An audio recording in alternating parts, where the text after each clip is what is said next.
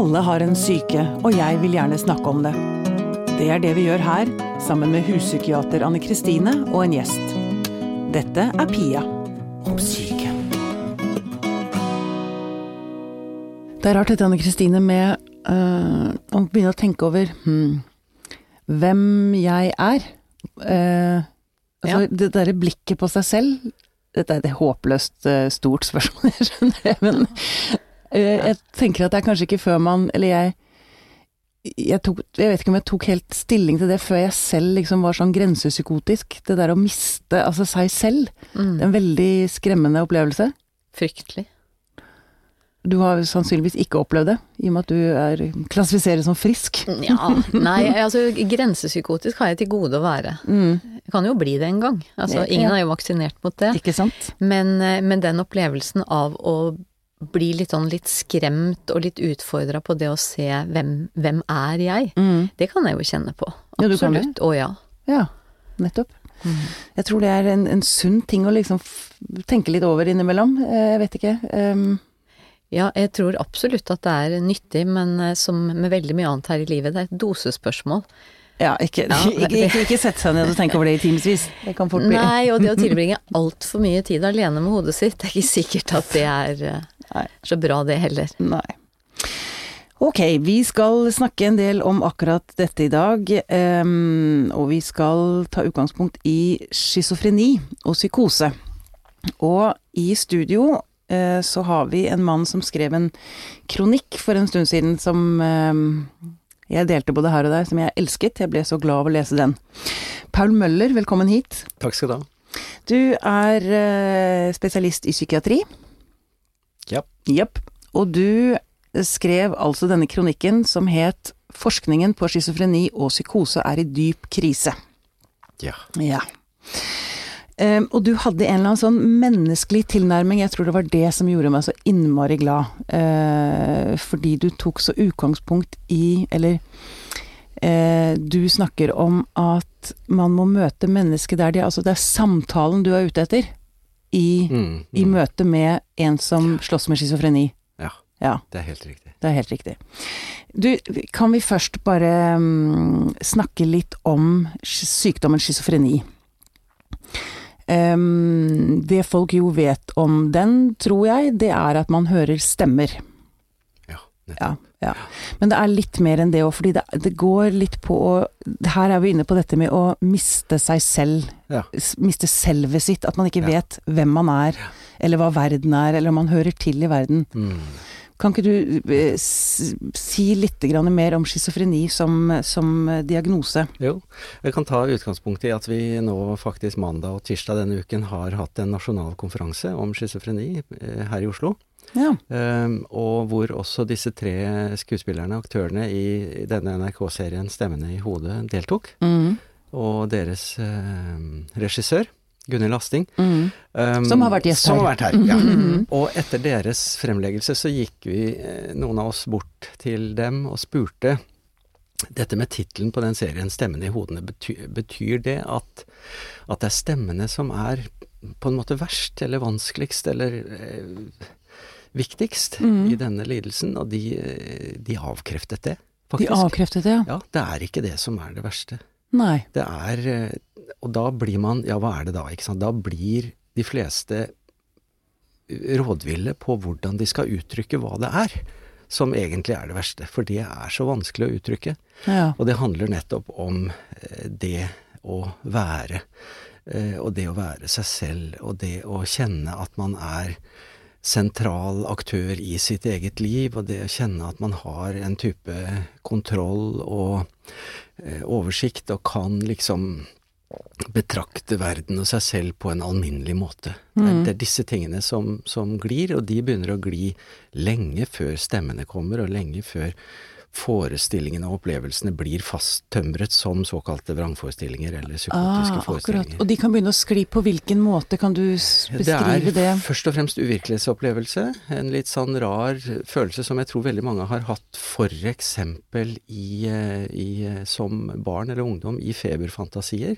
Ah, Så kan det å kjenne at jøss, hva er det som skjer nå? Dette var da en merkelig stemning, ikke sant? At, Mm. at, at det hele blir litt sånn underlig eh, og ugjenkjennelig og rart, uten at du kan peke på at det liksom det er ikke fargene som Nei, endrer seg, eller at nei. eh, Ting kan være helt alminnelige, men det er likevel noe med eh, En engelsk forsker har uttrykt det som 'the fabric of space'. Altså et eller annet med verdens eh, sammensetning og oppbygning som er uforståelig og underlig plutselig. mm, På en litt sånn vag og ubeskrivelig måte. mm, Så det, det med uvirkelighetsfølelse, fremmedfølelse, eh, det å begynne å eh, lure på de mest grunnleggende alminnelige ting, Ja. det er sånn det starter.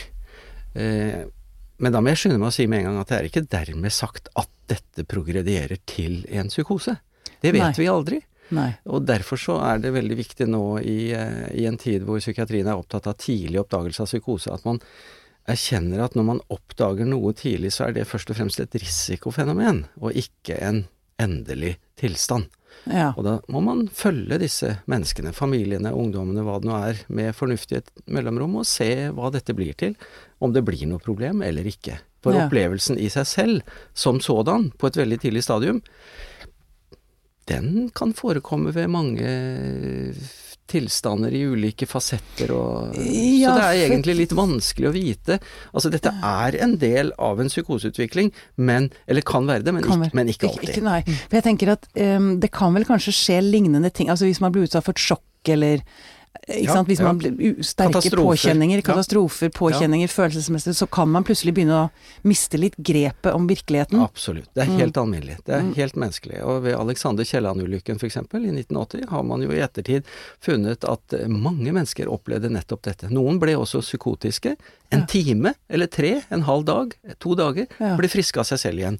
Ja, for Så- det kan også skje at man rett og slett. Men da har jo ikke psykosen en utforming som en typisk schizofreni. Mm. Men den har da en del av elementene i det som handler nettopp om dette med uvirkelighetsoppfatning og fremmedfølelse, Ja. og, og det å bli satt ut og, og ikke helt skjønne opp ned på ting, og hvordan ting henger sammen. Ja, nettopp. Fordi det, det, vi har vært innom det òg, men man kan faktisk havne i en psykose hvis man f.eks. ikke sover på en del døgn, ikke sant Anne Kristine? Ja, og det som vi jo får, eller som Paul får fram her nå, det handler jo om at det er jo en type belastningstilstand på hjernen. Mm. Eh, altså en type stress. Så, og det har vi jo snakka om før òg, at eh, jeg vet ikke om jeg har fortalt den, det eksempelet før, men, men jeg snakka med en, en eh, mann en gang som kom til meg etter jeg hadde fortalt om psykose. Så kom han og sa at vet du hva, jeg har vært eh, grensepsykotisk. Mm. Og det som hadde skjedd med han, var at han hadde vært på utmarsj i militæret. Hadde ikke sovet, ikke spist, han var kjempesliten, og så begynte han å se rosiner i veien. Ok. Det var jo, ikke sant, småsteinene begynte å ta form som rosiner, var så sulten. For han var så sulten. Mm. Og så så han rosiner, og, og virkelig, altså, og begynte å tenke over hvorfor er det rosiner i veien. Mm. Og nå var det sånn at de skulle ha en pause, og han fikk mat og søvn før det gikk noe lenger. Men man kunne tenkt seg at hvis han hadde fortsatt, så hadde han begynt å lure på hvorfor er det rosiner i veien? Og så kunne han ha begynt å lage seg forklaringer. Det må være noen som har lagt dem der. Hvis noen har lagt rosiner i veien, hvorfor har de det? Jo, kanskje det er for å, å forgifte hele troppen. Mm. Kanskje det er fienden. Mm. Og Og så kunne man begynt å kikke opp i buskene og si at de som har lagt rosiner i veien, de passer sikkert på og tar oss når vi bøyer oss ned for å ta rosiner. Og så, ikke Mm. Sant. Og så, og så blir det bare verre og verre. Ja. Ja. Ok, eh, nettopp. Eh, så, og som du sa, psykose er ingen av oss vaksinert mot. Nei. Nei. Men så er spørsmålet da, når eh, eh, Kan man si noe om når det eh, begynner å, å si, gå over i schizofreni? Det er kanskje feil stilt Mm, spørsmål, men mm, du skjønner hva jeg mener, Mm, Paul? Ja da. Det, det er Altså, det er på en måte to veldig greie og veldig viktige rettesnorer i forhold til det. Og det ene er når dette blir en subjektiv lidelse. Altså noe jeg plages av, noe som er vondt og vanskelig. Det er det ene. Og det andre er når jeg ikke lenger greier å funke som jeg skal Mm. i jobb eller familie eller sosialt eller hva det nå er. ikke sant. De Mm. to tingene er på en måte rettesnorer i, i, i generelt når det gjelder overgangen fra et eller annet symptom til det vi da for øyeblikket definerer som en lidelse, Mm. som en diagnose, ikke sant. Så det er helt nødvendig at, at det blir slik. Og da kan man spørre hva er det som må til, da, i dette tilfellet, for at man skal få tilstrekkelig med med subjektiv lidelsespress og, og få en tilstrekkelig, et tilstrekkelig funksjonsfall. Da må jo dette vare ved, og det må få en viss intensitet, ikke sant? Eh, Sånn at denne eh, opplevelsen f.eks. av å se rosiner istedenfor steiner i veien osv., det må jo da eh, være noe man spinner videre på over tid, og som ikke bare varer inntil man får spist, eller, inntil, eller dagen Eh, etter. nettopp. Ikke sant. Men eh, hvis man har en schizofren lidelse, er man da konstant i psykose? Det, jeg syns det er ganske på en måte vanskelig å svare på, fordi at eh, Og dette handler jo om psyken, ikke sant, som er flytende og flyktig. Altså det er, ikke, noe, det er ikke noe veldig enkelt svar på det. Nei. Men i, i grovt sett vil jeg si at eh, har du kommet inn i en tilstand som vi da per i dag kaller schizofreni, og som egentlig er mange typer lidelser og store variasjoner osv., så, videre, så er jo det blant de tilstandene som i de aller fleste tilfeller er nokså stabil. Ikke dermed sagt at den ikke eh, svinger, kan også selvfølgelig bli borte. Vi vet jo at eh, en del mennesker blir friske av det nå, det er noe av den positive nye kunnskapen. Ikke sant? Uh, Ja, det er virkelig en god Altså, det er jo Ja. Håp liker vi. Ja. Ja. Mhm. Så, Ja. Men, men eh, det er likevel riktig å si at det, det er ikke en sånn flyktig tilstand vi snakker om her. À la de psykosene som mennesker fikk f.eks. under den nevnte eh, store oljekatastrofen. Mm. Da snakker vi om akutte, såkalte reaktive psykosetilstander, som inneholder mye av de samme elementene Ja. fenomenmessig, men som står i en helt annen kontekst selvfølgelig, og derfor forstås helt annerledes, og som ikke, ikke nødvendigvis i det hele tatt varer ved. Mm. Men du, for å snakke Unnskyld, ja? Jeg hadde bare lyst til å føye til at det er jo også en pågående diskusjon eh, egentlig i, i verden om schizofreni. Eh, om det er en hensiktsmessig diagnose å ha. Mm. Og noen eh, tenker jo at den kommer til å bli borte i framtida fordi at eh, det, blir en, det blir som en stor sekk. Og Ja, det så.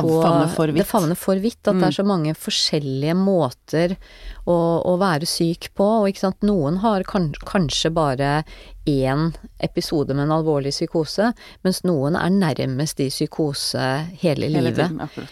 Så, så vi får se hvordan, det, hvordan det blir. For det, det som er viktig, er jo at diagnoser er bare beskrivelser. Ja. Altså beskrivelse av schizofreni. ja. Nettopp. Mm. Mm. Mm. Jeg bare føye til der at det er et innmari viktig poeng.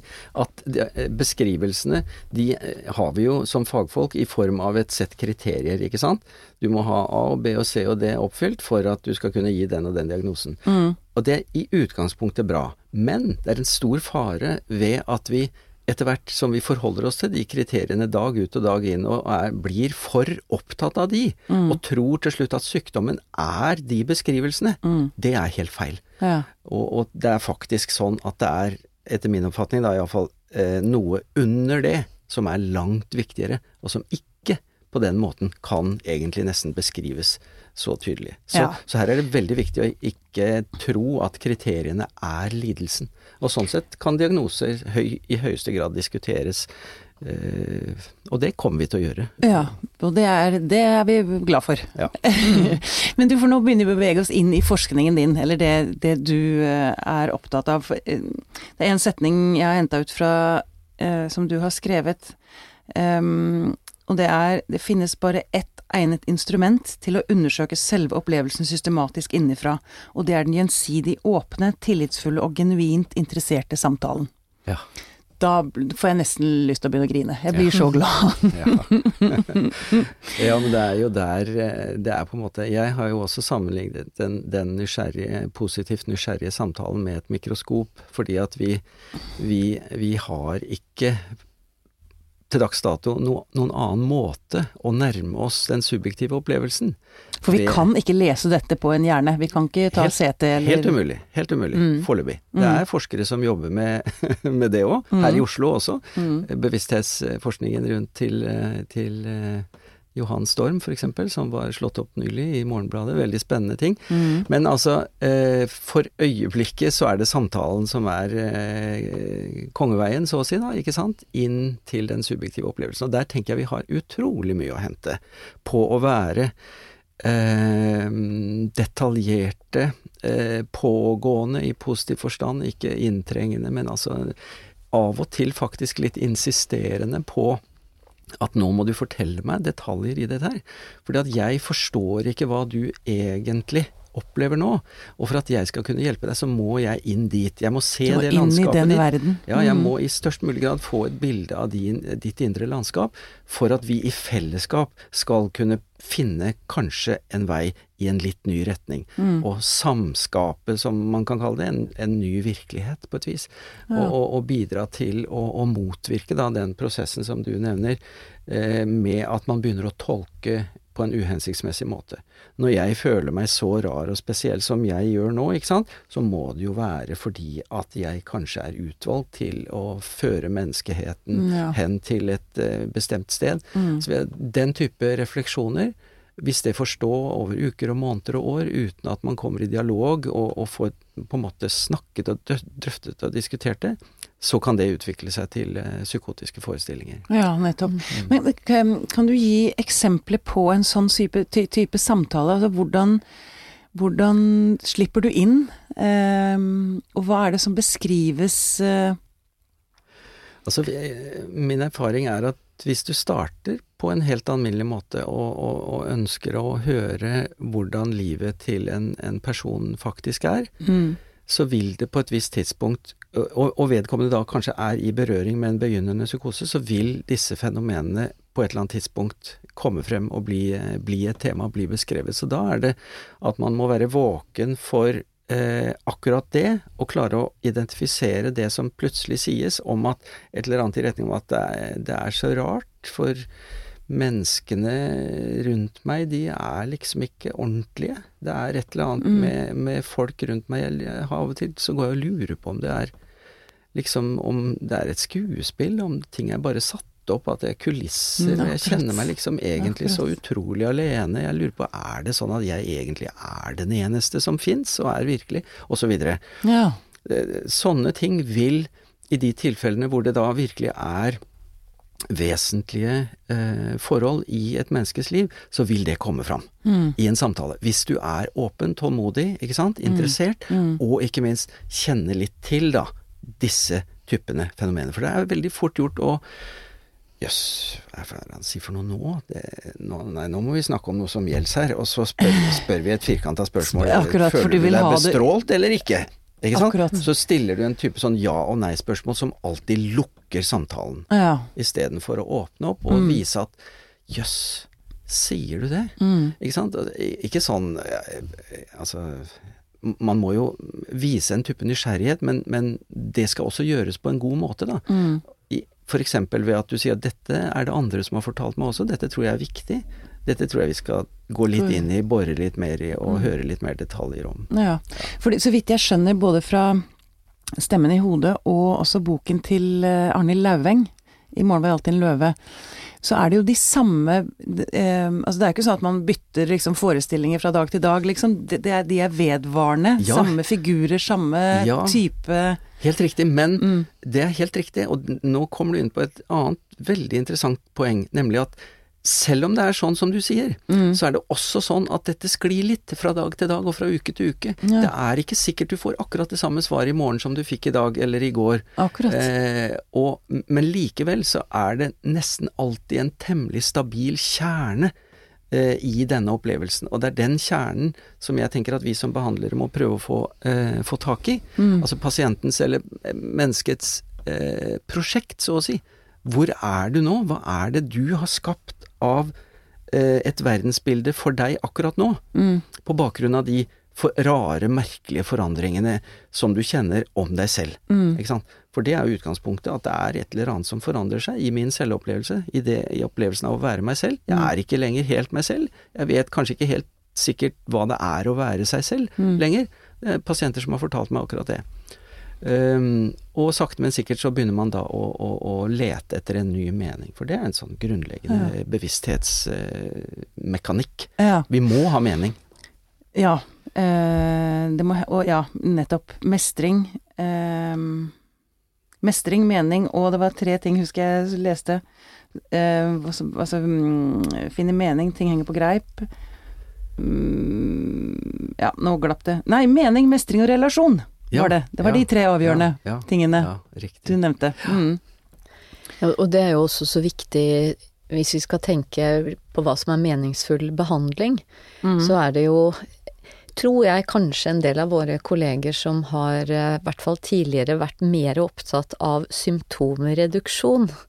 Ja. At, at nettopp det at man tenker at å, det må være fælt å høre stemmer, la oss sette inn all tilgjengelig behandling for å redusere de stemmene. Mm. Mens det vi begynner heldigvis å bli mer og mer opptatt av, det er jo det at hva vi velger av behandling skal også være et resultat av samvalg.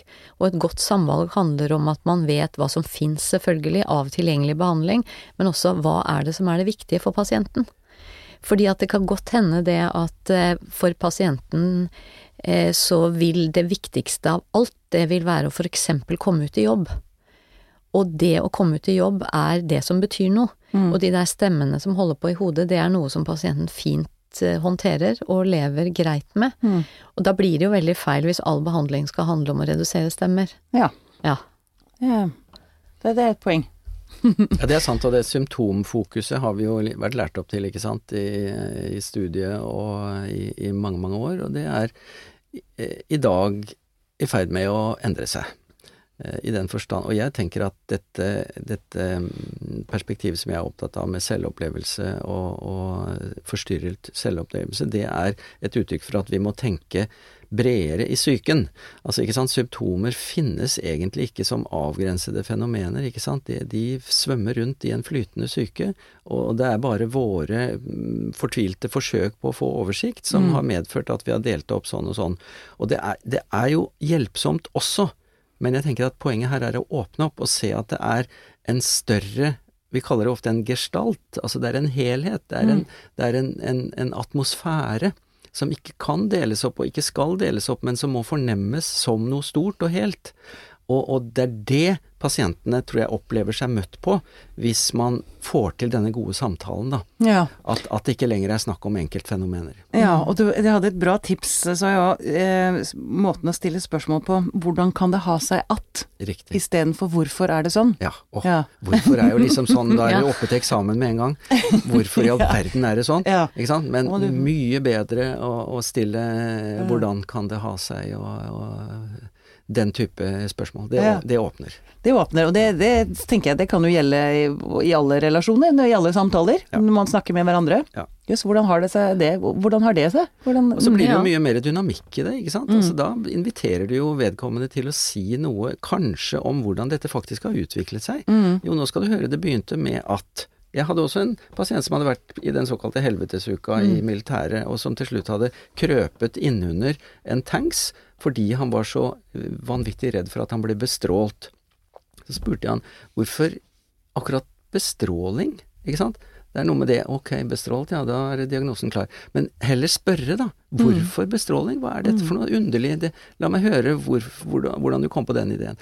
Og da fortalte han meg det banale fenomen at han hadde eh, noen hørselsfenomener som var noe sånn knitring og, og spraking og sånn, Ah. som er kjente fenomener i feltet. Det kalles akoasmer, eh, og er ikke akkurat det samme som hallusinasjoner, men det er lydfenomener som kan skape veldig mye usikkerhet og fortvilelse og frykt. Og i dette tilfellet, og sikkert i mange andre også, så tenkte han at jeg blir helt sikkert bestrålt. Så da kan man snakke om det. Okay. Men det var rett og slett et fysisk fenomen Et som oppstår, et hørselsfenomen. Ja, ja. som selvfølgelig da kan bidra til å trigge Ja. fordi man begynner å lure på Ja. er jeg gæren, eller ja. Atter en gang et Mm. eksempel på betydningen av å gå detaljert inn i fenomenene. Mm. Og bli, eh, bli nysgjerrig på hvordan kan det ha seg at. Mm. Og det var også, sånn, bare for å ta et annet eksempel òg, det er jo eh, en, en mann som var veldig tunghørt, men som ikke ville vedkjenne seg at han begynte å høre dårligere. Mm. Han eh, kom inn i en sånn psykoseutvikling fordi at han så jo at folk snakka borti krokene, Mm. men så hørte han ikke hva de sa. Ah. Og så tenkte han når jeg ikke hører hva de sa, så må jo det bety at de hvisker. Hvorfor hvisker de? Mm. De hvisker nok om meg, og hvorfor skulle de hviske om meg? Jo, det er nok fordi at de er ute etter å ta meg. Ja, Mm. og sånne tanker kan, man jo, kan vi jo alle ha. Ja, ja, ja. Eh, Ja, det, det, heter, jo, det heter jo selvhenføring. Det der, Selvhen- selvhenføring. Altså okay. du, du henfører noe annet nøytralt der ute til deg selv. Eller omvendt om du vil, at du henfører deg selv til det som skjer der ute som egentlig ikke har noe med deg å gjøre, men som du da tolker inn i din verden. Det er helt normalt. og det gjør vi jo. Det skal vi gjøre, i, i en viss sammenheng. Men ikke sant, her er det glidende overganger. I det øyeblikk du eh, tenker at det at eh, to røde biler kjører forbi meg nå, det betyr at jeg skal stemme rødt ved neste stortingsvalg, eh, da tolker du ting altfor sterkt, ikke sant? Ja. Og, men mye svakere varianter kan være helt normalt og hensiktsmessig. Vi, vi skal være på vakt, ikke sant? Vi skal følge med litt. Ja. Mm. Men du, det, du skriver også at uh, veldig få norske fagmiljøer har vist interesse, vitenskapelig interesse for eh, for denne type tilnærming. Fordi det ikke kan operasjonaliseres presist. ja. Operasjonalisere, er det det du tenker Ja, på? nei, jeg lurer på hvorfor Altså, jeg holdt på å si, ingenting i psyken er jo presist. Nei. Så jeg skjønner ikke hvorfor ikke denne tilnærmingen da har blitt brukt mer. Nei, Eller, nettopp. altså, Nei, ikke det interessen har altså, En del av historien her er jo at eh, amerikansk psykiatri omkring 1980 eh, fikk pålegg om å dokumentere mye tydeligere hva de faktisk gjorde. Eh, hva, hvilken behandling de ga, og Mm. om det virket. Og for å kunne dokumentere det, så måtte man altså på et eller annet vis måle. Og da kom kriteriene. Det var kriterienes inntogsmarsj i psykiatrien. Akkurat. Eh, og siden har de blitt der. Mm. Ikke sant? Og det er den amerikanske tradisjonen, men det er altså en helt annen tradisjon som dette perspektivet kommer fra. Det er den europeiske, kontinentale og fenomenologiske, for å bruke et litt vanskelig uttrykk, Mm. tradisjonen som er opptatt av det indre og det subjektive, og som eh, erkjenner at dette ikke kan måles veldig presist. Det kan måles til en viss grad, men det er grove tilnærminger. Ikke sant? Eh, Sånn at det, det, er, det er ikke sånn at vi svever og at det bare er tull og soft business alt sammen. Mm. Ehm, så, men, men det er eh, rett og slett grunnen til at eh, operasjonaliseringen har kommet inn i faget vårt. Og jeg tenker at tiden er moden for at vi myker opp det og supplerer med eh, dette innenfra-perspektivet og blir mer opptatt av det. Og det, det, du, jeg, du refererte at jeg sa at mange norske fagmiljøer ikke er så interessert i det. Det er på en måte både sant og ikke sant. Overalt hvor jeg kommer og forteller om dette, så vekker det stor interesse. Og folk kjenner det igjen, og folk syns at det er viktig. Men det, kommer, det har ikke kommet inn i pensum, rett og slett. Ikke sant? Altså, vi læres ikke opp. Jeg har prøvd i flere år å komme inn på det medisinske studium i psykiatriterminen og få undervise om dette. Det er ikke plass til dette perspektivet, fordi det er så mye der fra før av. Ikke sant? Så vi, vi, vi har Men ikke jeg lært oss skjønner ikke hva som kan være viktigere enn dette. Nei. Skriv og si det til dem. Ja. Men, på, Ja, men- på psykologi har jeg kommet inn, da, for å si det sånn. ja. Jo, men jeg mener målingen, må ikke er ikke det Ja. å se om de som slåss med greier, at de får det bedre? Det må jo være den beste målingen. ja, ikke sant. At de blir tryggere i seg selv, er, er det ikke så enkelt da? Ja, det skulle ønske det var så enkelt, men altså, vi er jo en del av et, et samfunn som har utviklet en alvorlig tilstand av målesyke. Ja. Altså, man, Resultater. altså, ja, og man skal måles, så er det sånn det som ikke kan telles, det teller ikke. Mm. Eh, og vi er jo i en eh, Altså, det er jo ting vi er nødt til å se nærmere på, fordi vi kan ikke fortsette sånn verken når det gjelder psykisk helse, eller når det gjelder barn og unge. Vi kan ikke drive og måle unger helt fra de er i barnehagen og begynner på skolen. Men, men vi ser det alle steder, så det er, eh, det er bekymringsfullt. Ja. Men du, eh, Paul, er det andre ting eh, i forhold til eh, forskningen på schizofreni og psykose eh, som du mener er i dyp krise? Er det andre ting du mener vi burde, eller dere, vi, ja. Jeg tenker jo at filosofi som fag eh, bør få en plass igjen i, Ja. i psykiatrien. Ja. Fordi at Filosofene har jo jobba med disse tingene i tusenvis av år, ikke sant. Mm. Og vi tror at vi kan begynne på nytt i, på, i 1950. Og, Mm. og begynne å tenke ut hva som er viktig her. Mm. Og det er jo det som er fenomenologi, er jo for øvrig en filosofisk eh, gren, ikke sant. Ah. Som eh, har ingenting i utgangspunktet med psykologi og psykiatri å gjøre, men den bør være en del av det. Og i Tyskland har den jo lenge vært det. Mm. Filosofi og, og nevrologi og psykiatri følges mye tettere av i, på kontinentet enn enn hos oss og i, i eh, angloamerikanske land. Så, så jeg tenker at eh, det er én ting, at vi bør åpne opp for mer eh, refleksjoner av filosofisk art. Eh, og det er eh, ikke tull og tøys og tåkeprat, det er virkelig nyttige ting. Mm. Og det som iallfall min erfaring når vi eh, over en, en del år i eh, Buskerud benyttet denne modellen i en utredningsavdeling, var jo at dette vakte stor interesse hos pasientene og familiene. De syntes jo at dette var en meningsfylt måte Ja, for det var å jobbe spør på. spørsmålet mitt. Hva Ja. tenker pasientene om Ja, de, de kjenner jo igjen dette her, og Mm. opplevde at pasienter som har gått gjennom denne lange, øh, for så vidt, hva skal vi si, utredningsinstrumentet vårt, som handler om forstyrret selvopplevelse, da, når vi er ferdig med det, etter to timer, så har en pasient som spurte meg, kan vi ta det en gang til? For det, det treffer Ja. Det så til de grader. Og, og, og også når vi var ferdige med, med behandlingen og utredningen, så sa vedkommende at denne, denne må jeg få ha med meg til neste behandler Mm. på DPS, sånn at han eller hun kan se hva det er som teller, Mm. hva det er som er viktig, ikke sant. Så um, dette, dette kjenner naturligvis menneskene seg igjen i, og grunnen til det er så banal som den kan få blitt.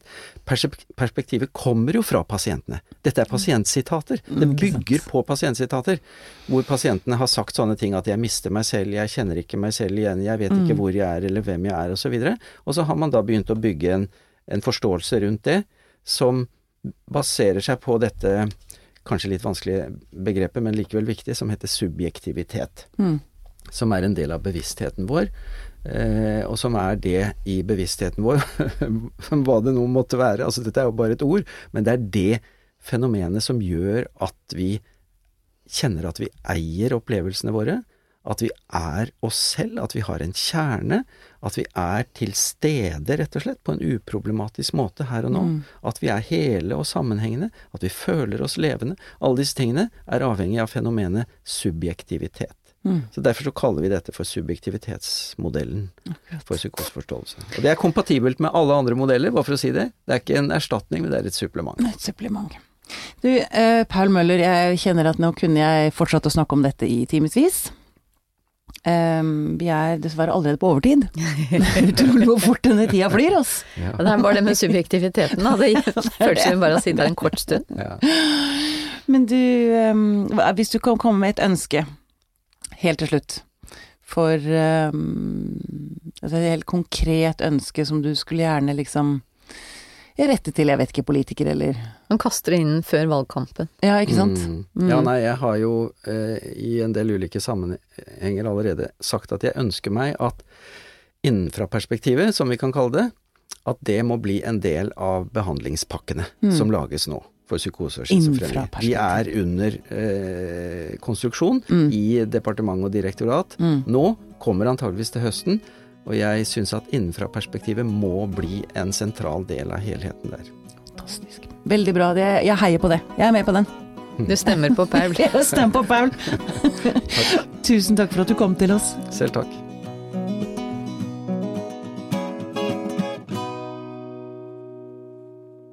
Denne Podkasten er produsert av Tid og Lyst.